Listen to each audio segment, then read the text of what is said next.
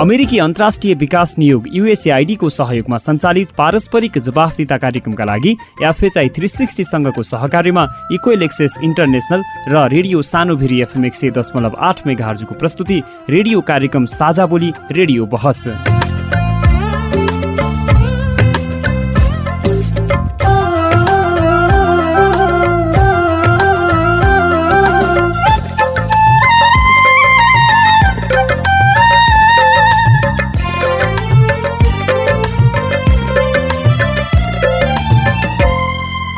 नमस्कार साझा बोली रेडियो बहसमा तपाईँलाई स्वागत छ। म मनिष खड्का। साझा बोली रेडियो बहसमा हामी नागरिक समाज आम सञ्चार माध्यम र सार्वजनिक निकाय बीचको पारस्परिक जवाफदिता र आपसिद्धिको सम्बन्धका विषयमा बहस गर्छौँ। पारस्परिक जवाफदिदाका क्षेत्रीय सवाल र परिवेश समेटेर तयार पारिएको साझा बोली रेडियो बहसको यो स्थानीय संस्करण हो। आजको साझा बोली रेडियो सानी एफएम एक सय दशमलव आठ मेगाहरले उत्पादन गरेको हो। यो कार्यक्रम रोल्पा जिल्लाको रेडियो रोल्पा एफएमबाट पनि सुन्न सकिन्छ। जवाफदिदाको राष्ट्रिय सवालमा नीति र कार्यान्वयनको समन्वय गर्ने साझा बोली रेडियो बहसको केन्द्रीय संस्करण इक्वेल एक्सेस इन्टरनेसनलले काठमाडौँमा उत्पादन गर्छ। साझा बोलीका दुवै संस्करणहरू तपाईँले हरेक हप्ता एकै समयमा सुन्न सक्नुहुन्छ। साझाबोली रेडियो बहसको यस सत्रको यो स्थानीय संस्करणको सत्रौँ भाग हो झन्डै चार वर्ष अघिदेखि प्रसारण भइरहेको साझाबोली यस वर्ष रेडियो बहसका रूपमा उत्पादन तथा प्रसारण सुरु भएको हो। साझा बोली रेडियो बहसको आजको भागमा स्थानीय पाठ्यपुस्तक निर्माणको अवस्था र महत्त्वका विषयमा बहस गर्दैछौँ। हाम्रो शिक्षाले स्थानीय कला संस्कृति सम्पदा परम्परा ज्ञान सिपलाई समेट्न सकेको देखिन्न। अहिलेसम्म केन्द्रीकृत पाठ्यक्रम प्रणाली अनुसार निर्दिष्ट पाठ्यक्रम लागू भइरहेको छ। साविक पाठ्यक्रममा पनि कक्षा एक आठसम्म सय पूर्णाङ्कको स्थानीय विषय पढाइने भनिएको छ। तर यस सम्बन्धमा धेरै विद्यालय वा शिक्षक नै अनभिज्ञ छन्। स्थानीय तह आएपछि स्थानीय पाठ्यपुस्तकका विषयमा कतिको गम्भीर बनेका छन् त आज हामी यस विषयमा बहस गर्दैछौँ। हाम्रो पुर्खाहरूले कसरी गर्नुहुन्थ्यो अहिले कस्तो गरिरहेछन् भनेर यिनी कुरा बुझ्नलाई हाम्रो स्थानीय स्तरको पाठ्यक्रम भएको भए हामीलाई एकदम सजिलो हुन्थ्यो तर छैन। त्यस्तै विद्यार्थीहरूलाई नैतिकवान सृजनशील बनाउन विद्यालय तथा स्थानीय तहले के प्रयास गरेका छन् भन्ने सिधा प्रश्नमा सिधा जवाब पनि सुन्न सक्नुहुन्छ। हामी निरन्तर लागिरहेछौँ र गम्भीरतापूर्वक काम पनि अगाडि बढाइराखेका छौँ। आगामी शैक्षिक शर्तदेखि सञ्चालन गर्ने र पाठ्य पुस्तक चाहिँ विद्यालयमा पुर्याउने प्रतिबद्धता पनि हो यो लागिराखेका छौँ गर्न सक्छौँ। साथै स्थानीय पाठ्य पुस्तक निर्माण र यसको प्रयोगमा स्थानीय सरोकारवालाको भूमिकाका विषयमा पनि आज हामी चर्चा गर्नेछौँ। कम्तीमा तपाईँहरूले एउटा जग चाहिँ यसमा बसालिदिनै पर्छ होइन? अहिले पाठ्यक्रम मात्रै हामीले बनाउन सक्यौँ भने त्यसको पाठ्य पुस्तक बनाउने काम चाहिँ त्यसपछि गर्न सकिन्छ। अब यसका लागि चाहिँ अब सहकार्य गरौँ कहाँ के सहकार्य गर्नुपर्छ कसले के भन्नुपर्छ कसले के गर्यो भने हुन्छ कहाँबाट कसरी सहयोग गर्न सकिन्छ हामी तयार छौँ। साझा बोली रेडियो बहस अमेरिकी अन्तर्राष्ट्रिय विकास नियोग युएसएआईडी मार्फत अमेरिकी जनताहरूको सहयोगका कारण सम्भव भएको हो। यस कार्यक्रमभित्रका विषयवस्तु र सामग्री पारस्परिक जवाबदेहिता कार्यक्रमका एकल जिम्मेवारी हुन्। र यहाँ प्रस्तुत भनाइले युएसएआईडी वा अमेरिकी सरकारको विचार प्रतिबिम्बित गर्छन् भन्ने जरुरी छैन। रेडियो कार्यक्रम साझा बोलीमा तपाईँलाई फेरि स्वागत छ। स्थानीय पाठ्यपुस्तक निर्माणको अवस्था र यसको महत्त्वका विषयमा कुराकानी गर्ने यतिखेर कार्यक्रममा उपस्थित भइसक्नु भएको छ। रुकुम पश्चिमको मुसिकोट नगरपालिकाका सामाजिक विकास समितिका संयोजक सुशील गौतम र पत्रकार महेश केसी। यहाँ दुवैजनालाई रेडियो कार्यक्रम साझा बोलीमा हार्दिक स्वागत छ। धन्यवाद। अब हामी विषय प्रवेश गर्छौँ। सुरुमा तपाईँको विद्यालयमा स्थानीय पाठ्यपुस्तकबाट पढाइ हुने गरेको छ भनेर एकजना विद्यार्थीलाई सोधेका छौँ। उनको कुरा सुन्छौँ त्यसपछि हामी छलफललाई सुरु गर्नेछौँ। मेरो नाम खेमराज डाँगी। म रुकुम पश्चिमको तिरेजा उमाविमा अध्ययनरत छु। हाम्रो स्कुलमा स्थानीय स्तरको पाठ्यक्रम छैन।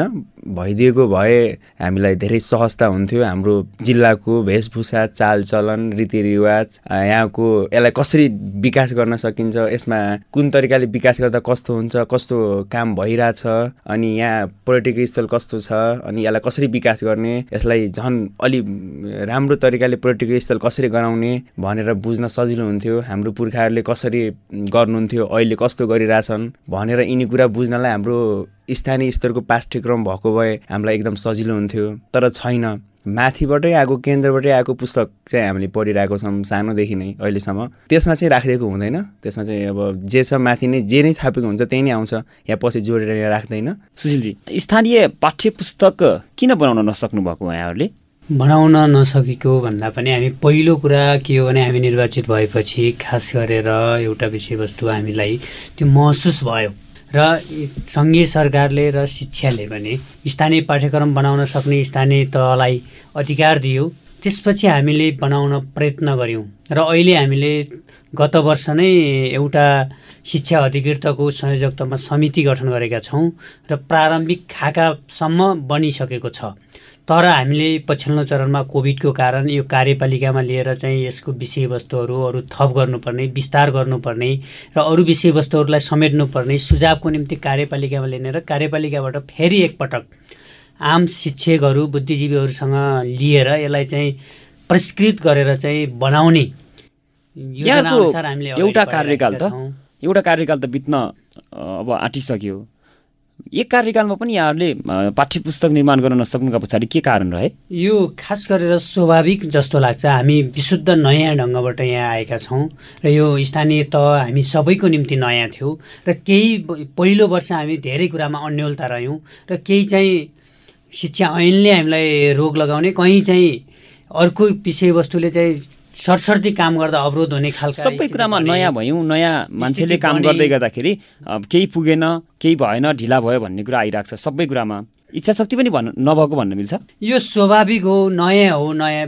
वास्तविक कुरा भन्दा चाहिँ मान्छेहरूलाई अनर्थ अनर्थ लाग्छ।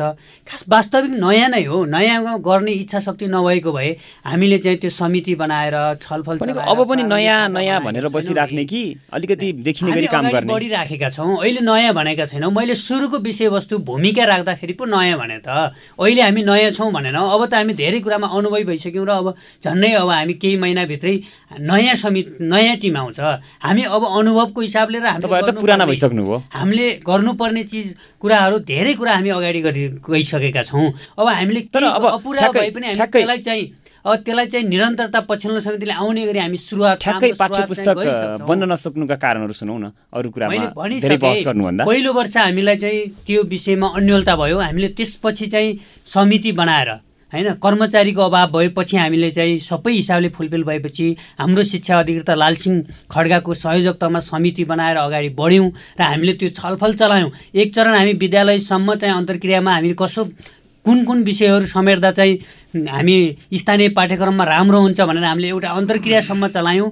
त्यसपछि हामीले एउटा प्रारम्भिक खाकासम्म तयार गरेका छौँ। अब यो खाकालाई हामी खास गरेर अब यो दसैँ तिहार तिहारपछि हामी चाहिँ कार्यपालिकाको मिटिङमा लग्छौँ र कार्यपालिकाले यसलाई चाहिँ केही सुझावसहित यो पास गरेपछि फेरि पनि हामीले त्यो खाकालाई पास गरेपछि फेरि हामी बौद्धिक तबका र फेरि पनि शिक्षकहरूसँग सुझाव लिएर यो सम्भवतः हामी यो अर्को शैक्षिक सत्रमा अहिले हामीले भन्न सक्दैनौँ। हामीले अर्को शैक्षिक सत्रदेखि लागू गर्ने गरी त्यो स्थानीय पाठ्यक्रम चाहिँ हामी विद्यार्थीको हात हातमा पुर्याउने प्रयत्नमा गरिरहेको हस् महेशजीकोमा जान्छु म।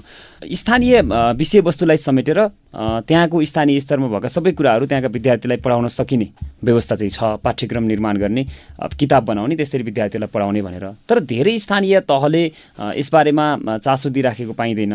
पहिला स्थानीय तह थिएनन् विद्यालयहरूले आफूले गर्न प्रयास गरे पनि त्यो सम्भव हुन सकेको थिएन। स्थानीय तह आइसकेपछि पनि त्यति धेरै चाहिँ यसतर्फ ध्यान गएको देखिँदैन। यसमा कारण के देख्नुहुन्छ?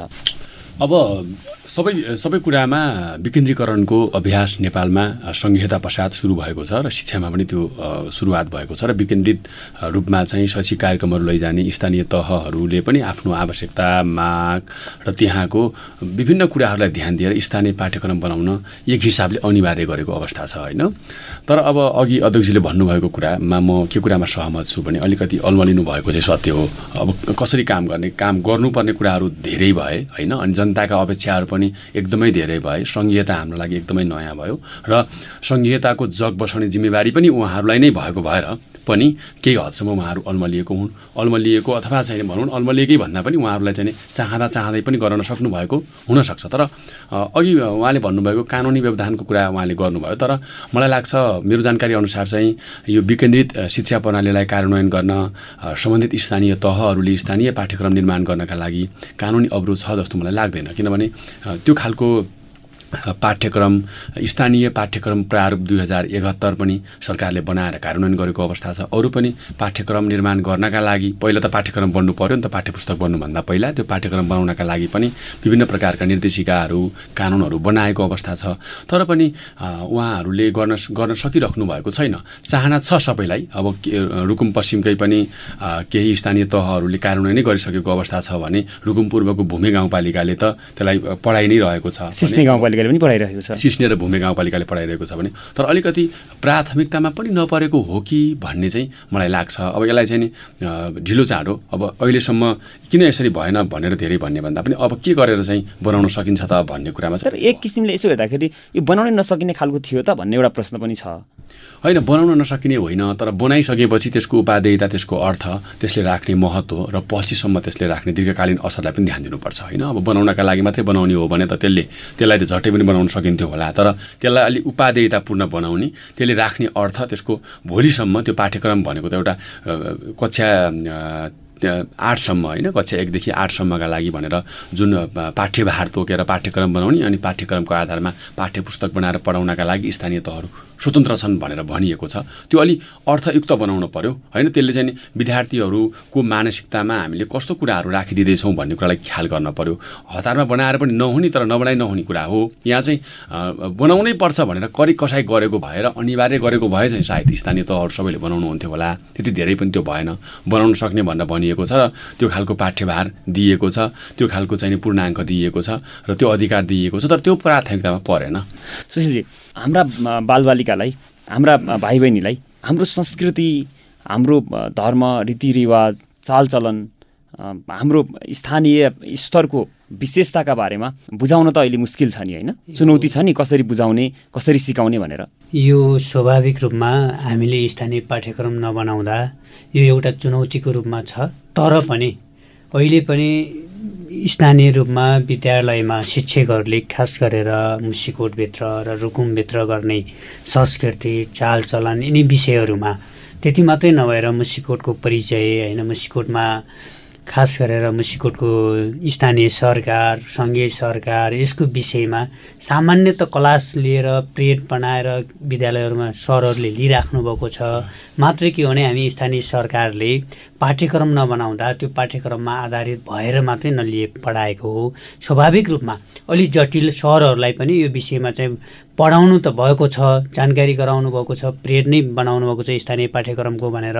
तर पनि के हो भने पढाउनु पर्ने विषय सबै विद्यालयमा अनिवार्य रूपमा त्यसो हुन सकेको होला त? यो कस्तो छ भने खास गरेर अहिले अगाडि महेशले भने जस्तो केही विद्या स्थानीय तहहरूले पाठ्यक्रम बनाइसकेका छन्। अनि केहीले बनाउन लागिरहेका छन् केहीले बनाउन प्रयत्नै गरिराखेका छैनन्।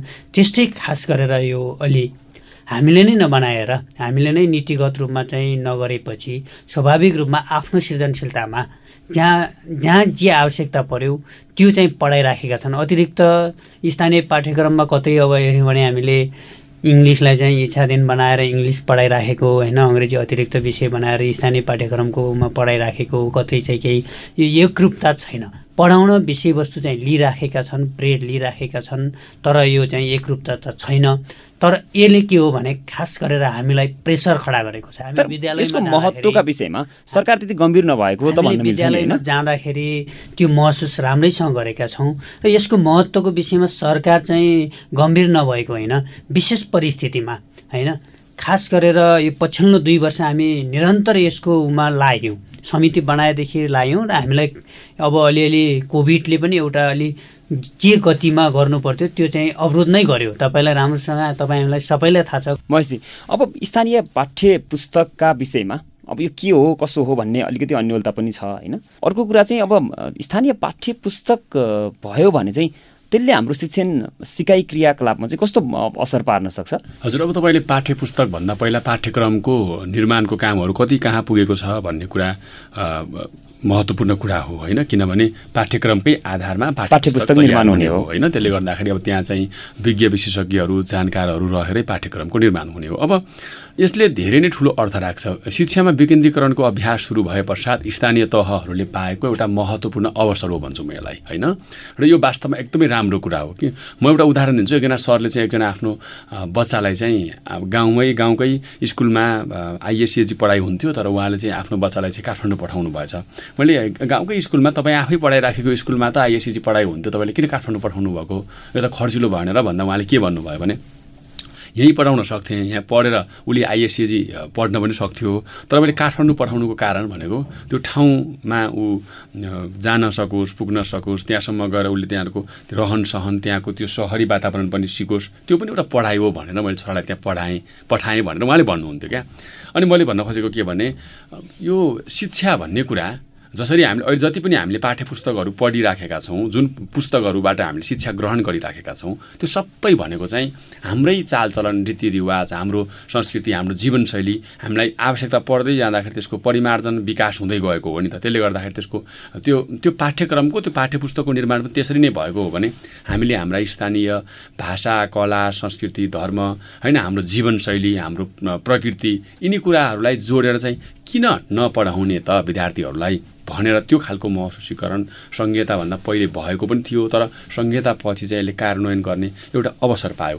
अब चाहिँ आमाको दाइलाई के भनिन्छ त? मामा भनिन्छ सामान्यतया। तर अब अहिले त सबैलाई अङ्कल भन्न थालिया छ नि त होइन? त्यसले त भोलि हाम्रो हाम्रो नेपाली समाजभित्र जसरी मान्छेहरूमा एउटा खालको संस्कार थियो दैनिकी थियो त्यो त बिस्तारै त्यो संस्कार त हराउँदै जाने भयो नि त। यस्ता यस्ता सामान्य लाग्ने सुन्दाखेरि तर चाहिँ अब जस्तो मेरो गाउँको बारेमा मेरो ठाउँको बारेमा मेरो अब हजुरबुवाले मेरो बुवाले मेरो अङ्कलले काकाले बाँचिराखेको जीवन कस्तो थियो र अहिले कस्तो छ त्यो खालको त्यो कुराहरूलाई जोडेर गरिने अध्ययन हो त्यहाँको भाषा कला संस्कृतिको अध्ययन हो होइन? त्यो अवसर पनि हो। अब रुकुम पूर्वको उदाहरण दिउँ रुकुम पूर्वको भूमि गाउँपालिकाले चाहिँ त्यहाँको मगरखाम भाषामा उनीहरूले चाहिँ नि पढाइराखेका छन्। त्यो त्यो त अब अरू विषयहरू पढाइराख्दाखेरि त्यो भाषा नहराओस् भनेर उहाँहरूले पढाइराख्नु भएको छ भने मुसिकोटको हकमा हाम्रो अध्यक्ष यहाँ हुनुहुन्छ मुसिकोटको हकमा चाहिँ हामीले यहाँको मौलिक कुराहरू मुसिकोटकै इतिहास हामीले पढाउन सक्छौँ होइन?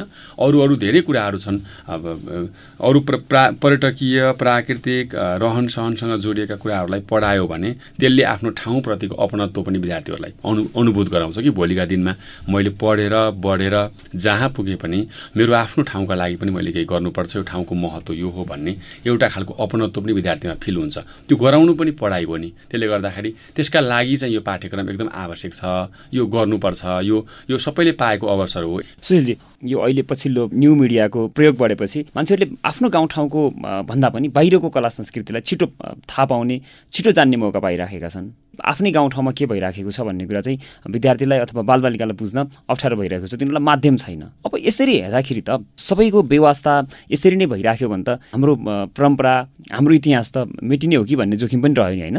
बाह्य देखासिखी बढी गर्ने संस्कारको विकास भएको छ। यसले कहीँ न कहीँ हाम्रो भित्रको चिज पनि के छ भनेर थाहा पाउने उनीहरूलाई माध्यम भएन। हिजोदेखि चलिआएका परम्परा संस्कार धर्म रीतिरिवाजहरू बिर्सिँदै गइराखेको अवस्था हो। यसको निम्ति खास गरेर हामी स्थानीय तहबाट स्थानीय सरकारले यसको विशेष पहल गर्न जरुरी नै छ।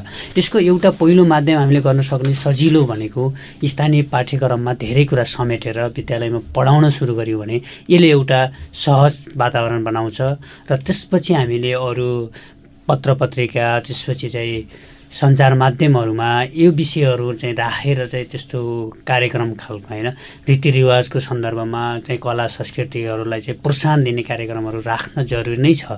त्यो नहुँदा स्वाभाविक रूपमा हामी हेऱ्यौँ भने के हो भने हाम्रो फेरि नयाँ छिटो गर्ने संस्कार यो बच्चा बच्चीदेखि किन त के कुराले आकर्षित गर्छ भन्ने कुराले बालबालिकालाई ठुलो असर रहेछ चेतना कस्तो छ भने नयाँ चाहिँ छिटो प्रयोग गर्ने। पुरानै बाबुबाजेले गरे त हो यसलाई किन ध्यान दिनु यसैलाई पनि यसैलाई पनि नयाँ रूपमा हाम्रो परम्परा हाम्रो परम्परा हाम्रो इतिहासलाई पनि नयाँ रूपमा चाहिँ अहिलेका नयाँ पुस्तालाई चाहिँ ग्रहण गराउनेतिर चाहिँ हामी अब सरकारले अथवा चाहिँ अरू सरकारहरूले सोच्ने कि नसोच्ने? यो सोच्न जरुर छ। हामीले हेऱ्यौँ भने के हो भने खास गरेर हाम्रो अब हिजो एउटा जे पहिचान थियो नेपाली भन्दा गर्व लाग्ने खालको होइन।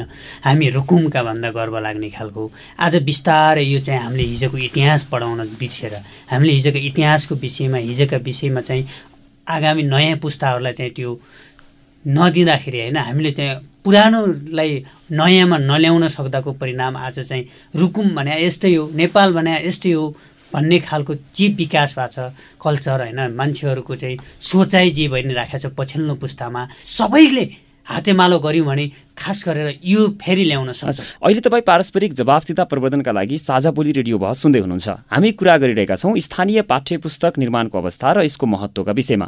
र हामीसँग हुनुहुन्छ रुकुम पश्चिमको मुसिकोट नगरपालिकाका सामाजिक विकास समितिका संयोजक सुशील गौतम र पत्रकार महेश केसी।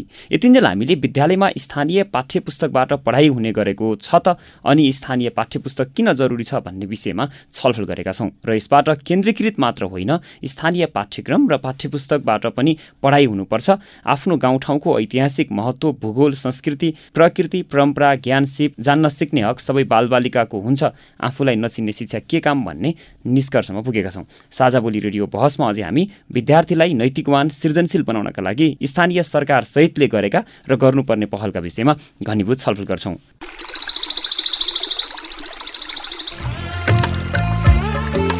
प्रश्न परिवर्तनको सुरुवात हो। जवाफ। रूपान्तरणको आधार हो।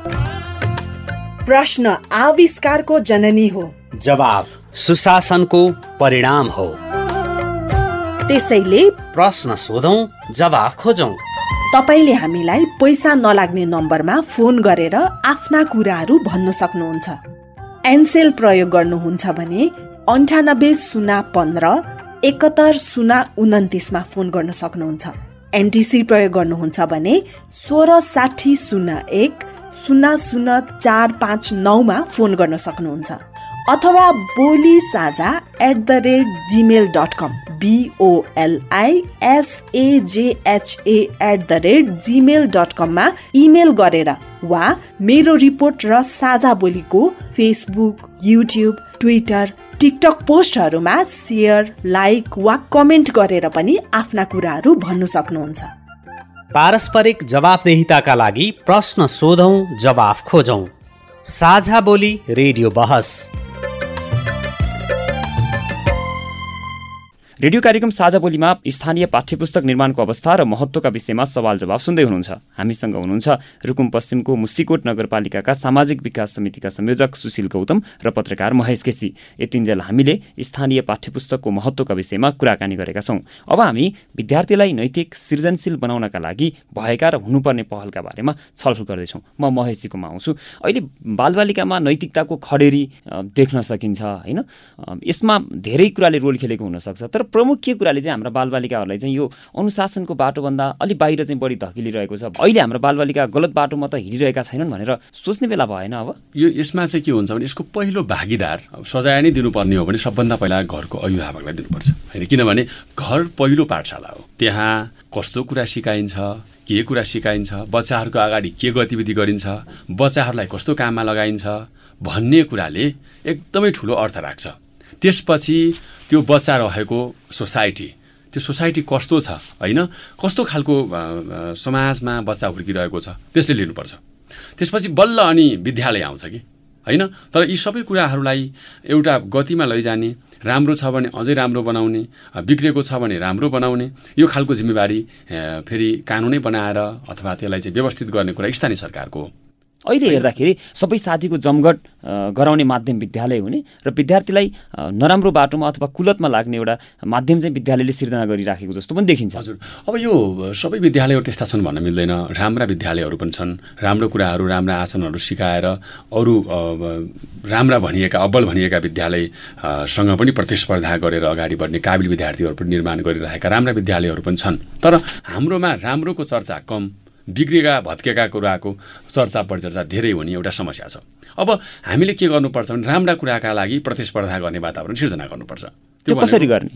त्यसका लागि अब त्यसका लागि कहाँ चाहिँ रा राम्रा उदाहरणीय कामहरू अब म एउटा सञ्चारकर्मी हुँ भने मैले अब हामीलाई त धेरै आरोप के लाग्छ भने तिमीहरू जहिले पनि नेगेटिभ कुराहरू मात्रै बाहिर ल्याउँछौ भन्ने लाग्छ। त्यो पेसा व्यवसायको कुराले एक हिसाबले होला। तर अहिले त विभिन्न माध्यमहरू छन् नि त हामीले एउटा राम्रो फोटो मात्रै खिचेर फेसबुकमा सामाजिक सञ्जालमा सेयर गरेर यो राम्रो कुरा हो भनेर भन्यौँ भने मात्रै पनि त्यसले राख्ने अर्थ र महत्त्व धेरै हुन्छ भने हाम्रा आफ्ना माध्यमहरू प्रयोग गरेर हाम्रा आफ्ना तौर तरिकाहरू प्रयोग गरेर पनि हामीले राम्रोको प्रचार गर्न सक्छौँ। म अलिकति नैतिकता र संस्कारको कुरा गर्नुभयो होइन? अब अहिले के छ भने यो परिवर्तन संसारको नियम हो। होइन? परिवर्तन जहिले पनि कि एकदमै मिठो हुन्छ कि एकदमै तितो हुन्छ होइन? अब नयाँ कुरा हुने बित्तिकै हामीलाई के के नै भयो जस्तो पनि लाग्छ तर यसलाई स्वाभाविक रूपले रूपमा लिनुपर्छ होइन? अब एक समय मान्छेहरूले कापीमा लेख्थे भने अहिले कम्प्युटरमा टाइप गर्छन् तर एकजना विद्यार्थीले एकजना विद्यार्थीले शिक्षकलाई टेर्दैन शिक्षककै अगाडि नसा सेवन पनि सकिन्छ त्यसलाई त कसरी हामीले स्वीकार गर्ने? यसमा आउँदैछु जस्तो मलाई के लाग्छ भने जस्तो एउटा घर हुन्छ घरभित्र एउटा भान्सा भनेको चाहिँ सबैभन्दा सबैजना जम्मा हुने ठाउँ हो होइन। त्यहाँ अघिल्लोको छेउमा हामी थाहा पाउने बेलासम्म हजुरबुवा सबभन्दा अगाडि बस्यो बुबा आमा छेउमा बसेर छोराछोरीसँगै बसेर खाना खाने अनि खाना खाँदाखेरि नाता साइनो सम्बन्ध संस्कार धर्म रीतिरिवाजका विषयमा त्यो टाइम टेबलै नभइकन पनि पालो पालो कुरा हुन्थ्यो कि? कहिले साइनोको कुरा हुन्थ्यो कहिले संस्कारको कुरा हुन्थ्यो कहिले अरू अरू कुरा हुन्थ्यो त्यो अगेनानिरको अन्तर्क्रिया हराउँदै गयो। अहिले सबभन्दा पहिला त चुलो छेउमा सबैजना सँगै बसेर खाना खाने। अहिलेको त डाइनिङ भन्छ होइन त्यो डाइनिङ रुममै पनि भनौँ न। सबैजना सँगै बसेर खाना खाने अवसर नै जुट्दैन एक। दोस्रो कुरा जुटे पनि सबैको हातमा मोबाइल हुन्छ होइन? अनि मोबाइलकै माध्यमबाट उनीहरू त्यसमै झुमिराखेका हुन्छन्। त्यसले गर्दाखेरि परिवारकै सदस्यका बिचमा सञ्चार राम्रोसँग हुन पाउँदैन। अनि त्यसपछि त्यहाँ चाहिँ राम्रोसँग सञ्चार हुन पाएन भने जब तपाईँ अनुमान गर्नुहोस् घर परिवारकै बिचमा राम्रो सञ्चार छैन।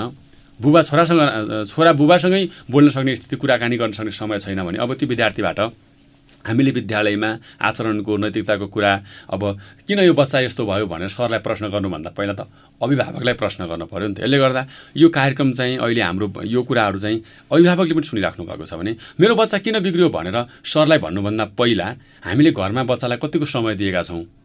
हाम्रा कुराहरू सरलाई कतिको बताएका छौँ? स्थानीय पाठ्यक्रम धेरै परको कुरा हो। घरमा त त्योभन्दा अगाडि ठुलै ठुलै पाठ्यक्रम पाठ्य पुस्तक छ नि। खुल्ला पाठ्य पुस्तक छ नि होइन? त्यो चाहिँ छ। त्यसले गर्दाखेरि अब अहिले चाहिँ त्यो विद्यालयमा केही हदसम्म केही विद्यार्थीहरूमा त्यस्तो खालको गलत आचरणहरू पनि देखिन्छ। यसका लागि चाहिँ सबैले मोहमा गर्नुपर्छ होइन? हाम्रो समाजलाई विकास गर्ने कुरा समाजलाई समुन्नत बनाउने कुरा समाजमा रहेका संस्कार आचरण राम्रा कुराहरूलाई अङ्गीकार गर्ने कुरा किन बिग्रियो त भनेर चाहिँ यसका लागि सबैले मोहमा गर्नुपर्छ। अब अब यो यो कुरामा चाहिँ हाम्रो अध्यक्षजी यहाँ हुनुहुन्छ। स्थानीय सरकारले चाहिँ यसमा अलिकति त्यो भन्छ नि डोरी बाँध्ने काम। अलिकति अलिकति कसने काम चाहिँ गर्नुपर्छ। त्यसका लागि अब कानुन बनाउने अधिकार उहाँहरूसँग छ। होइन आवश्यक नीति नियमहरू बनाएर यसलाई कडाइ गर्ने काम छ भने यी नीति नियम बनाएर पनि केही कडाइ गर्नुपर्ने कुराहरू हुन् भने अब समाजदेखि स्कुलसम्मको वातावरणलाई चाहिँ बनाउनका लागि गर्नुपर्छ। त्यसका लागि चाहिँ अब स्थानीय पाठ्य पुस्तकै तयार भयो भने त अब त्यो पाठ्य पुस्तकमा ल हेर्नुहोस्। अभिभावकलाई पनि भन्न सकियो ल पाठ्य पुस्तक तयार भएको छ। यो कुरामा तपाईँको घर छेउको धारोको कुरा पनि लेखिएको छ पानी पँधेरोको कुरा पनि लेखिएको छ। तपाईँहरूले बाँचिराखेको पुरानो जीवनशैली पनि लेखिएको छ। यो कुरा हामीले स्कुलमा पढाउँछौँ। यो कुराको बारेमा पुस्तकमा लेखेको कुरा स्कुलमा पढाउँछौँ। यही कुरा तपाईँले घरमा गरिदिनुहोस् भनेर पनि भन्न सकियो नि त। हो यसका लागि चाहिँ पाठ्य पुस्तक आवश्यक हो कि? सुशीलजी अब स्थानीय सरकार अहिले चाहिँ यो विद्यालयका भौतिक संरचना होइन भवन बनाउनेदेखि लिएर अरू अरू कुरामा अलिक बढी फोकस भएको।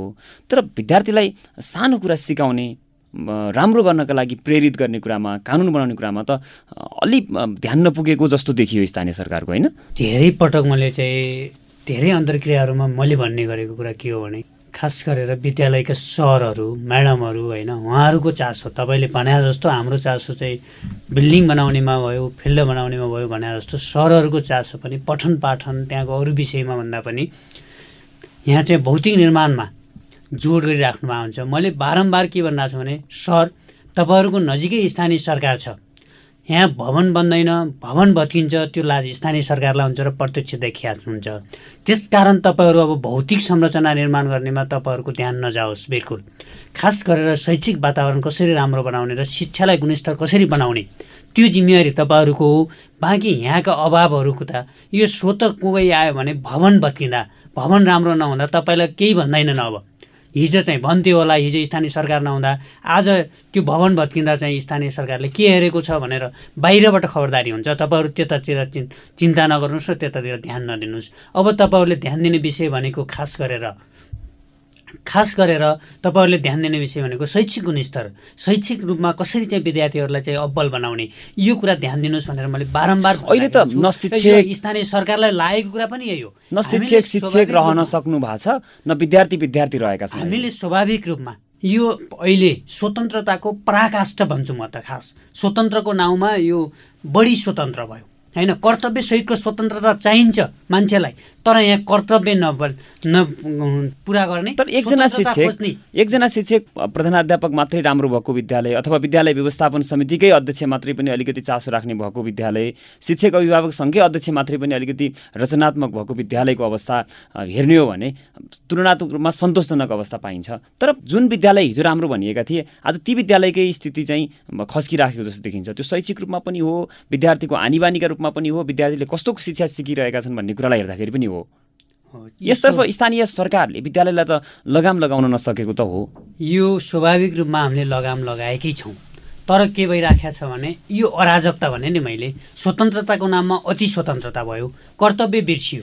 आज समस्या म तपाईँलाई एउटा समस्या छ भन्ने कुरा यहाँले डिटेल गरिसक्नु मेरो कुरा टुङ्ग्याउँदिनु न म त्यही विषय तपाईँले राखेकै विषयवस्तुमा जाँदैछु के। खास गरेर स्वतन्त्रताको नाममा बढी स्वतन्त्रता भयो जे भने नि मैले हामीले स्थानीय सरकारले हरेक कुरामा लगाम लगाइराखेका छौँ। म यो भन्न सक्छु कि स्थानीय सरकार आएदेखि हामीले पूर्ण रूपमा गर्न सकेका छैनौँ तर विद्यालयहरूलाई धेरैभन्दा धेरै रूपमा चाहिँ नियन्त्रण गरेका छौँ र केही चाहिँ कानुनी कड्गेरामा उम्याएर हामीले चाहिँ कारवाही पनि गरिराखेका छौँ। तर फेरि पूर्ण रूपमा हामीले गर्नुपर्ने जति गरेका छौँ भन्दैन। अब यहाँहरूले मुसिकोट नगरपालिकाले मुसिकोट नगरपालिकाले नगरभित्रका विद्यार्थीहरूलाई सृजनशील बनाउनको लागि चाहिँ केही कानुन बनाउने अथवा बजेटको व्यवस्था गर्ने अथवा त्यस्ता कार्यहरूमा चाहिँ प्रोत्साहन गर्ने के गर्ने गरेको छ? हामीले खास गरेर कानुन पनि बनाइराखे बनाइसकेका छौँ। स्थानीय तहमा शिक्षा ऐन नियम र कानुन बनाएका छौँ। र त्यसपछि हामीले विद्यालय मार्फत अतिरिक्त क्रियाकलाप र अरू अन्य गतिविधिहरू सञ्चालन गर्नको निम्ति बजेटिङ गरिराखेका छौँ। र हाम्रो बजेटको बोलमा हाम्रा अरू धेरै समस्याहरू अरू धेरै कारणले हामीले चाहिँ गर्नुपर्ने जति गरेका छैनौँ तर हाम्रो मुसिकोटको सन्दर्भमा हामीले पहिलो प्राथमिकता शिक्षामै राखेर बजेट धेरैभन्दा धेरै व्यवस्थापन तर त्यो पनि भौतिक संरचना अरूमा देखिन्छ भन्ने कुरा यहाँले पनि स्वीकार्नु भयो अगाडि होइन। अब तर विद्यार्थीलाई विद्यार्थीको विकास क्षमता विकासका लागि विद्यार्थीलाई सृजनशील बनाउनका लागि मात्रै के गर्नुभयो? त्यति मात्रै भन्नु त्यो नगरेको होइन। हामीले जस्तो अतिरिक्त क्रियाकलाप सञ्चालन गरिराखेका छौँ। विभिन्न दिवसहरूमा विद्यालयमै चाहिँ प्रतिस्पर्धा बनाएर विद्यालय विद्यार्थी विद्यार्थी बिचको प्रतिस्पर्धा विद्यालय विद्यालय बिचको प्रतिस्पर्धा त्यस्ता कार्यक्रमहरू पनि गरिराखेका छौँ। शैक्षिक क्षेत्रमा विद्यार्थीहरूलाई एक्टिभ बनाउनको निम्ति अतिरिक्त क्रियाकलापहरू गर्नको निम्ति त्यो बजेटको व्यवस्था गरेका छौँ। र समग्रतामा मसिकोट नगरपालिकाको सन्दर्भमा अलिक केन्द्रीकृत रूपमा नगर प्रमुख अतिरिक्त क्रियाकलाप भनेर पनि बजेटिङ गरेका छौँ। त्यसपछि अरू शैक्षिक गतिविधि सञ्चालन गर्नको निम्ति पठन पाठनको व्यवस्था हुनको निम्ति। म जान्छु थोरै। अब अहिले हाम्रा विद्यार्थीलाई चाहिँ नैतिक शिक्षा दिनको लागि अथवा सृजनशील बनाउनको लागि चाहिँ भएको प्रयास कस्तो छ? पर्याप्त हो कि? त्यसलाई कसरी बढाउनु पर्ने हो? कसैको पुगेकै छैन। भनेर त म भन्दिनँ। प्रयास सबैको छ चाहना सबैको छ। मेरो सन्तान राम्रो होस् मेरो विद्यार्थी राम्रो होस् मेरो समाज राम्रो होस् भन्ने सबैको चाहना छ। तर कहाँ कहाँ के के नमिलिराखेको तालमेल नमिलिराखेको छ। म मुसीको नगरपालिकाको सामाजिक विकासको एउटा प्रमुखको रूपमा रहनुभएको अध्यक्षलाई अनुरोध गर्छु। तपाईँहरूको आफ्नो कार्यकालभन्दा अगाडि एउटा वृहत शैक्षिक अन्तर्क्रिया गरौँ। खुल्ला वृहत शैक्षिक अन्तर्क्रिया गरौँ। एक। दोस्रो कुरा शिक्षामा भएका राम्रा कुराहरूको प्रस्तुतिकरण गर्ने गरी शैक्षिक सम्मेलन गरौँ। होइन? त्यहाँ चाहिँ कुन कुन विद्यालयले के राम्रो गरे भनेर गरौँ। त्यो खालको ट्रेन्ड पनि बसालौँ। त्यसलाई चाहिँ अर्को स्थानीय सरकारले आउने बेला चाहिँ कम्तीमा वर्षमा एकचोटि शिक्षामा भएका राम्रा सिकाइहरूलाई बाँड्ने देखाउने प्रदर्शन गर्ने त्यसले पनि विद्यालयहरूका बिचमा प्रतिस्पर्धा हुनसक्छ राम्रा कुराहरूका लागि प्रतिस्पर्धा गराउने वातावरण सिर्जना गर्न जरुरी छ। र अभिभावककै पनि भनौँ न अब विद्यालयमै पनि के गर्न सकिन्छ भने कुन विद्यार्थीले नैतिक शिक्षा अलि बढी जानेको छ भनेर त्यसको मूल्याङ्कन गर्ने र त्यस त्यसमा चाहिँ विद्यार्थीलाई सम्मान होइन कि त्यसको अभिभावकलाई चाहिँ सम्मान गर्ने खालको वातावरण चाहिँ बनाऊ। एउटा प्रतिस्पर्धाको वातावरण बनाऊ। सकारात्मक प्रतिस्पर्धा भयो भनेपछि यसै कुरालाई अब किताबमै समावेश गरेर किताबमै पढाउने गरी चाहिँ विद्यार्थीलाई चाहिँ त्यो किताब निर्माण गरेर चाहिँ पढाउन सकिने अवस्था पाठ्यक्रम बनाउने पाठ्यक्रम अनुसार पाठ्य पुस्तक निर्माण उहाँहरूले गर्नु नै पर्छ। अब अब पाठ्यक्रम र पाठ्य पुस्तक बनाउनका लागि बनाउने पाठ्यभार पुर्याउनका लागि मात्रै भए पनि जसरी पनि बनाउने भन्ने हुँदैन। स्थानीय विज्ञहरू विशेषज्ञहरू जानकारहरू त्योसँग जोडिएका मान्छेहरूलाई सहभागी गराएर एउटा गतिलो पाठ्यक्रम निर्माण गर्ने र त्यो पाठ्यक्रमका आधारमा पाठ्य पुस्तक निर्माण गर्ने नै सबभन्दा राम्रो बाटो हो र त्यो नै सबभन्दा गजबको अवसर हो। यो अवसरको सदुपयोग त स्थानीय सरकारहरूले जसरी पनि गर्नु नै पर्छ साझाबोली रेडियो बसमा अहिले हामी कुरा गरिरहेका छौँ स्थानीय पाठ्य निर्माणको अवस्था र यसको महत्त्वका विषयमा। यो विषयमा छलफलको लागि हामीसँग हुनुहुन्छ रुकुम पश्चिमको मुसिकोट नगरपालिकाका सामाजिक विकास समितिका संयोजक सुशील गौतम र पत्रकार महेश केसी। यतिन्जेल हामीले स्थानीय पाठ्य पुस्तकको महत्त्व विद्यार्थीलाई कसरी सृजनशील बनाउने यसमा स्थानीय पाठ्य पुस्तकले खेल्ने भूमिकाका विषयमा कुराकानी गरेका छौँ। साझा बोली रेडियो बहसमा अझै हामी विद्यार्थीलाई सृजनशील र नैतिकवान बनाउन सरोकारवाला निकायको भूमिका के रहन्छ भन्ने बारेमा छोटोमा छलफल गर्नेछौँ। साझा बोली रेडियो बहस सुन्दै गर्नुहोला।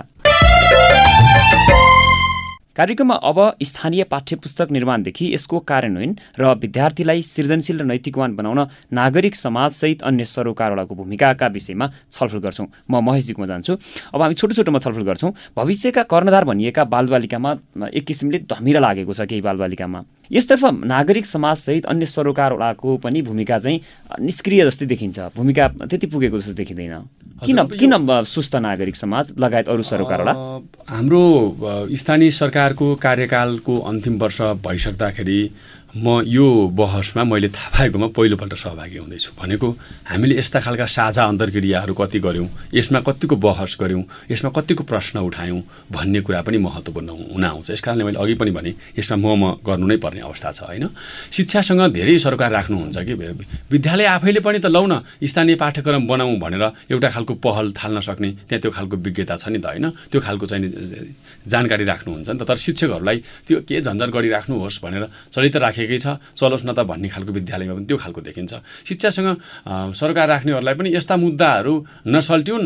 यसमा बहस गरिराख्न पाइयोस् यसमा बजेट तानिराख्न पाइयोस् भन्ने एउटा खालको भ्रम एउटा खालको चाहिँ गलत मनसाय पनि कता कता देखिन्छ भनेपछि यी सबै कुरा यो मनसायबाट एउटा सुचाहना राखेर स्थानीय सरकारलाई सहयोग गर्नु पर्यो। स्थानीय सरकारलाई चाहिँ नि एउटा खालको सकारात्मक दबाव सिर्जना गर्नु पर्यो। त्यो दायित्व र जिम्मेवारीबाट त हामी भाग्न मिल्दैन नि त। होइन? के भूमिका रहन्छ? यहाँनिर चाहिँ बाहिरका बाहिर भएका विज्ञहरू जस्तो सरोकार निकायहरूले चाहिँ के कुरामा स्थानीय तहले चाहिँ सघाउन सक्छन्? नेपालमा अब शिक्षामा विकेन्द्रीकरणको अभ्यास अरू ठाउँहरूमा कसरी भएको छ त्यो कुराहरूलाई पनि अब उहाँहरू अरू पनि काम धेरै काम जिम्मेवारी भएको कारणले गर्दा त्यसको जानकारी उहाँहरूसँग नहुन पनि सक्छ।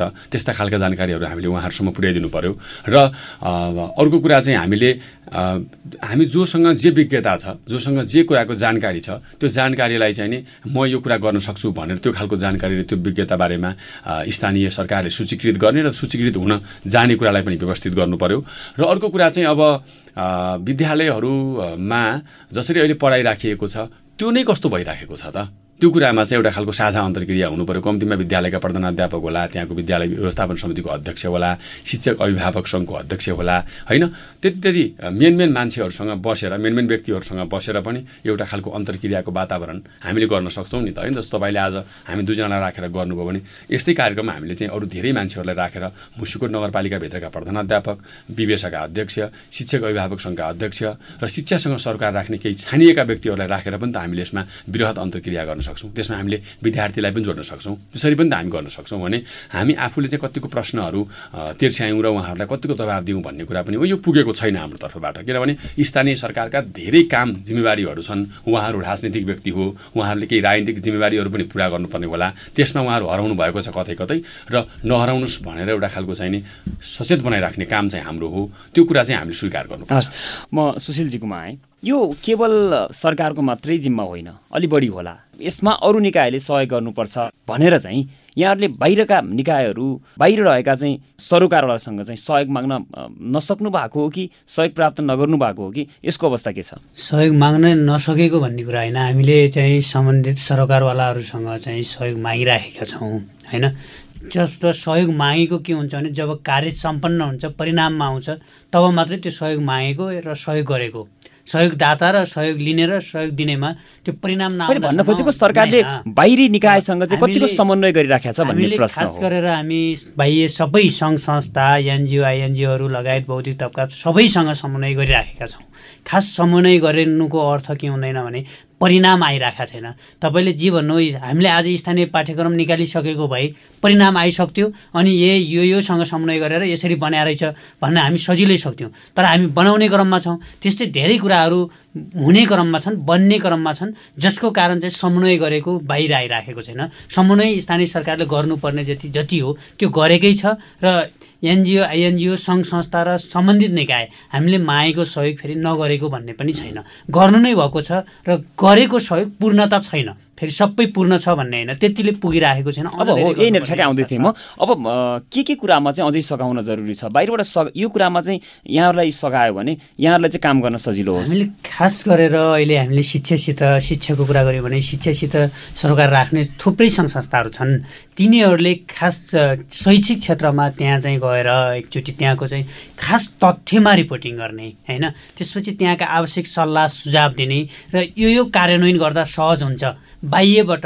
जस्तो सरकारले त्यही कुरा गर्दा के हुन्छ भने शिक्षकहरूले दबाब दिएको अनुभूति गर्नुहुन्छ भने त्यो एनजिओ आइएनजिओ सङ्घ संस्थाहरू गएर त्यही सुझाव दियो भने उहाँहरूले सल्लाहको रूपमा लिनुहुन्छ। यहाँ समस्या कस्तो छ भने यो गर्नु भने यसरी जाउँ। यो यो गर्दा राम्रो हुन्छ भनेर सरकारले भन्यो भने त्यो दबाब। होइन? दण्ड लगाएको ठानिन्छ। त्यही चाहिँ संस्थाले गर्यो भने त्यसलाई चाहिँ सल्लाहको रूपमा लिन्छ र सहज रूपमा लिन्छ। हाम्रो खास गरेर अपेक्षा के हो भने त्यो गरिदिने। हामीले जे कुरा चाहिँ निर्देशन गरिराखेका हुन्छौँ त्यसलाई चाहिँ सकारात्मक सल्लाहको रूपमा विद्यालयहरूमा शैक्षिक संस्थाहरूमा र अन्य ठाउँमा पनि होइन? त्यो गरेर सङ्घ संस्थाहरूले गरिदियो भने त्यसले चाहिँ सकारात्मक सन्देश दिन्छ। यहाँनिर म सुशील सरको कुरामा थपौँ है जस्तो उहाँहरू कसरी प्रस्तुत हुनुहुन्छ भन्ने कुराले पनि यसमा एकदमै अर्थ राख्छ। उहाँहरूले विद्यालय जाँदाखेरि पनि पहिलोपल्टै उहाँहरूको शिक्षकहरूको अथवा विद्यालयसँग सम्बन्धित व्यक्तिहरूको के थियो भने ए स्थानीय सरकारको जनप्रतिनिधि आयो त हामीलाई नै गाली गर्न आएको हो भन्ने एउटा खालको गलत बुझाइ छ। हो त्यो त्यो भ्रमबाट पनि उहाँहरूलाई निकाल्नु पर्यो। होइन? उहाँ उहाँहरूलाई त्योबाट निकाल्नु पर्यो। एउटा कुरा। अर्को कुरा चाहिँ उहाँहरूले पनि अलिकति प्रेमिल व्यवहार भनौँ न यो हाम्रो दायित्व र जिम्मेवारी हो मिलेरै गरौँ न त भनेर भन्नु पर्यो। साझा बोली रेडियो बसमा अहिले हामी कुरा गरिरहेका छौँ स्थानीय पाठ्य पुस्तक निर्माणको अवस्था र यसको महत्त्वका विषयमा। हामीसँग हुनुहुन्छ रुकुम पश्चिमको मुसिकोट नगरपालिकाका सामाजिक विकास समितिका संयोजक सुशील गौतम र पत्रकार महेश केसी। अब हामी कार्यक्रमको अन्त्यतिर छौँ। म सुशीलजीमा जान चाहन्छु। अन्तिम प्रश्न बालबालिकाले आफ्नो गाउँठाउँका बारेमा किताबमा पढेर थाहा पाउने र त्यसलाई कार्यान्वयन गर्ने दिन चाहिँ कहिले आउँछ मुसिकोटमा हामी निरन्तर लागिरहेछौँ र गम्भीरतापूर्वक काम पनि अगाडि बढाइराखेका छौँ। म भनिसकेँ अगाडि सुरुमै पनि भनेको छु अब अन्तिममा जसरी पनि आगामी शैक्षिक शर्तदेखि सञ्चालन गर्ने र पाठ्य पुस्तक चाहिँ विद्यालयमा पुर्याउने प्रतिबद्धता पनि हो यो लागिराखेका छौँ गर्न सक्छौँ। मुसिकोट गम्भीर छ यसतर्फ। गम्भीर छ। हस् महेशजी बाहिरबाट तपाईँहरूले अब कसरी सघाउनुहुन्छ? अब यो एउटा जग बसाउने अवसर हो होइन? अध्यक्षज्यूहरूलाई म अनुरोध गर्छु स्थानीय सरकारहरूलाई म अनुरोध गर्छु कम्तीमा तपाईँहरूले एउटा जग चाहिँ यसमा बसालिदिनै पर्छ होइन? अहिले पाठ्यक्रम मात्रै हामीले बनाउन सक्यौँ भने त्यसको पाठ्य पुस्तक बनाउने काम चाहिँ त्यसपछि गर्न सकिन्छ। अब समय छैन उहाँहरूको लागि किनभने स्थानीय तहको निर्वाचनको चर्चा सुरु भइसक्यो। अब उहाँहरूलाई चुनाव लागि सक्छ उहाँहरू राजनीतिक व्यक्ति हो उहाँहरू फेरि चुनावमा होमिनुपर्छ। त्यसले गर्दा समय एकदमै कम छ। यसका लागि चाहिँ अब सहकार्य गरौँ कहाँ के सहकार्य गर्नुपर्छ कसले के भन्नुपर्छ कसले के गर्यो भने हुन्छ भन्ने त्यो सहकार्यको सम्भावनाका सवालहरू चाहिँ उहाँहरूले तय गर्नु पर्यो सहयोग गर्न यहाँहरू तयार हुनु हामी चाहिँ अब कहाँबाट कसरी सहयोग गर्न सकिन्छ हामी तयार छौँ। यसका लागि चाहिँ एउटा जग बसाउने अवसर हो। जग चाहिँ बसाउनबाट यहाँहरू चुक्नुहुन्न भन्ने चाहिँ मेरो अनुरोध। आजको छलफलमा सहभागी भइदिनु भएकोमा यहाँहरू दुवैजनालाई धेरै धेरै धन्यवाद। हजुर धन्यवाद। धन्यवाद। हामी साझा बोली रेडियो बहसको अन्त्यमा आइपुगेका छौँ। साझा बोली रेडियो बहसबारे मनका कुरा भन्नको लागि एनटिसीको मोबाइल वा ल्यान्डलाइन फोन प्रयोग गर्नुहुन्छ भने सोह्र साठी शून्य एक शून्य शून्य चार पाँच नौ नम्बरमा फोन गर्न सक्नुहुन्छ। एनसेल प्रयोग गर्नुहुन्छ। अन्ठानब्बे शून्य पन्ध्र एकहत्तर शून्य उनातिसमा फोन गर्नुहोला। यी नम्बरहरूमा फोन गरेको पैसा लाग्दैन र प्राप्त निर्देशनअनुसार प्रश्न सोध्न सकिन्छ। पारस्परिक जवाफदिताबारे आफूले देखे सुने या भोगेका कुनै कुरा लेख मार्फत व्यक्त गर्न चाहनुहुन्छ वा अरूका लेखहरू पढ्न चाहनुहुन्छ भने W dot ME PRO PORT dot NET पनि लगइन गर्न सक्नुहुन्छ। साझा बोली रेडियो बहस तपाईँले मेरो रिपोर्ट वेबसाइट पोडकास्ट च्यानल र सामाजिक सञ्जालहरूमा पनि सुन्न सक्नुहुन्छ। हवस् त आजको साझा बोली रेडियो बहसबाट अब विदा हुने बेला भयो। आज हामीले स्थानीय पाठ्य पुस्तक निर्माणको अवस्था र यसको महत्त्वका विषयमा कुराकानी गरेका छौँ। आजका हाम्रा अतिथि रुकुम पश्चिमको मुसिकोट नगरपालिकाका सामाजिक विकास समितिका संयोजक सुशील गौतमले अहिलेसम्म आफूहरूले स्थानीय पाठ्य पुस्तक निर्माण गर्न नसकेको र अर्को शैक्षिक सत्रबाट पाठ्य पुस्तक लागू गर्ने गरी निर्माणको काम भइरहेको जानकारी गराउनु भएको छ र यसमा नागरिक समाज तथा आम सञ्चारका माध्यमको तर्फबाट पूर्ण रूपमा सहयोग गर्ने अर्का अतिथि महेश केसीले प्रतिबद्धता व्यक्त गर्नुभएको छ। आशा छ यी प्रतिबद्धताहरू पुरा हुनेछन्। यतिन्जेल ध्यान दिएर कार्यक्रम सुन्नुभएकोमा तपाईँलाई धन्यवाद। आगामी हप्ता पनि आजको जस्तै समयमा सार्वजनिक जवाफदिताको अर्को विषयमा खरो छलफल लिएर आउनेछौँ सुन्न नबिर्सनुहोला। आजको कार्यक्रमबाट म मनिष विदा भएँ। नमस्कार।